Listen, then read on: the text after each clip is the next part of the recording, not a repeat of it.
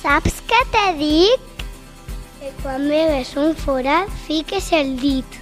Així comencen, tots els dijous, les històries que l'àvia d'Alberto ens conta al col·le.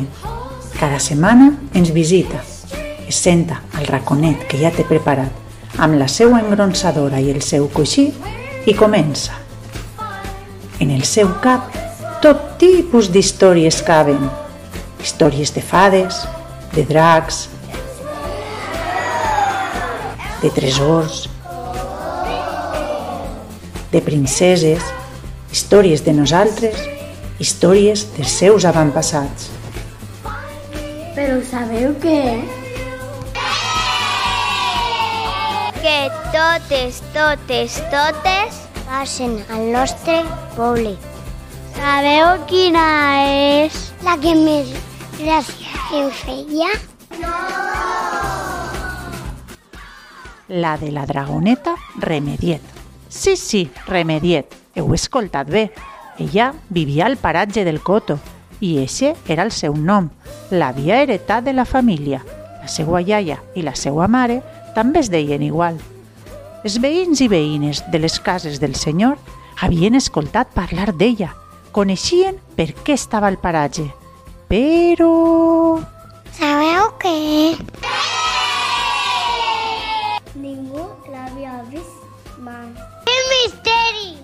Durant molts anys, la seva família tenia una feina encomanada, vigilar el pi de la farola, que estava a la part més alta del coto, per a que sempre estiguera ben alt i ben fi, i així tots els animalets que vivien al paratge pogueren disfrutar de la seva ombra. Ara li tocava a ella. La seva família ja ho havia fet abans. Era tot un rete. Sabeu què? perquè ella no era com les dragonetes de la seva família. Ella era alegre, feliç, li agradava la gent, encara que no es deixava veure. I a més a més, li encantava la música. Era escoltar una nota musical i ja estava ballant. El cos s'ho demanava i a més a més ho feia molt bé. Ballava per tot arreu, en la cova, en la muntanya, per el dia, per la nit. Sempre estava ballant i això la feia sentir bé. Amb l'arribada de l'agost. Sabeu què? A les cases del Senyor es celebren els festes. La música, els focs artificials, el ball, el menjar i l'alegria sempre plenen el poble de llum i color. Cada any, a les 10 en punt, a la plaça, l'orquestra comença a tocar El meu poble té una plaça de records. i els focs artificials donen eixida a la rebella d'estiu. En el coto per la nit tot s'escolta i com no podia ser d'altra manera, a la cova on estava jocada la dragoneta Remediet van començar a arribar les primeres notes musicals venides del poble. De nit s'hi aplega tothom, que ballen nens petits. De sobte, el seu cos començà a trepitjar. El ritme fluïa, primer per la cua, després les pates, a continuació el cap i per últim tot el cos. Quin espectacle! Ara ja no se podia controlar, el ritme era el que manava. La dragoneta, feliç i pletòrica, no se n'adonava del que estava fent.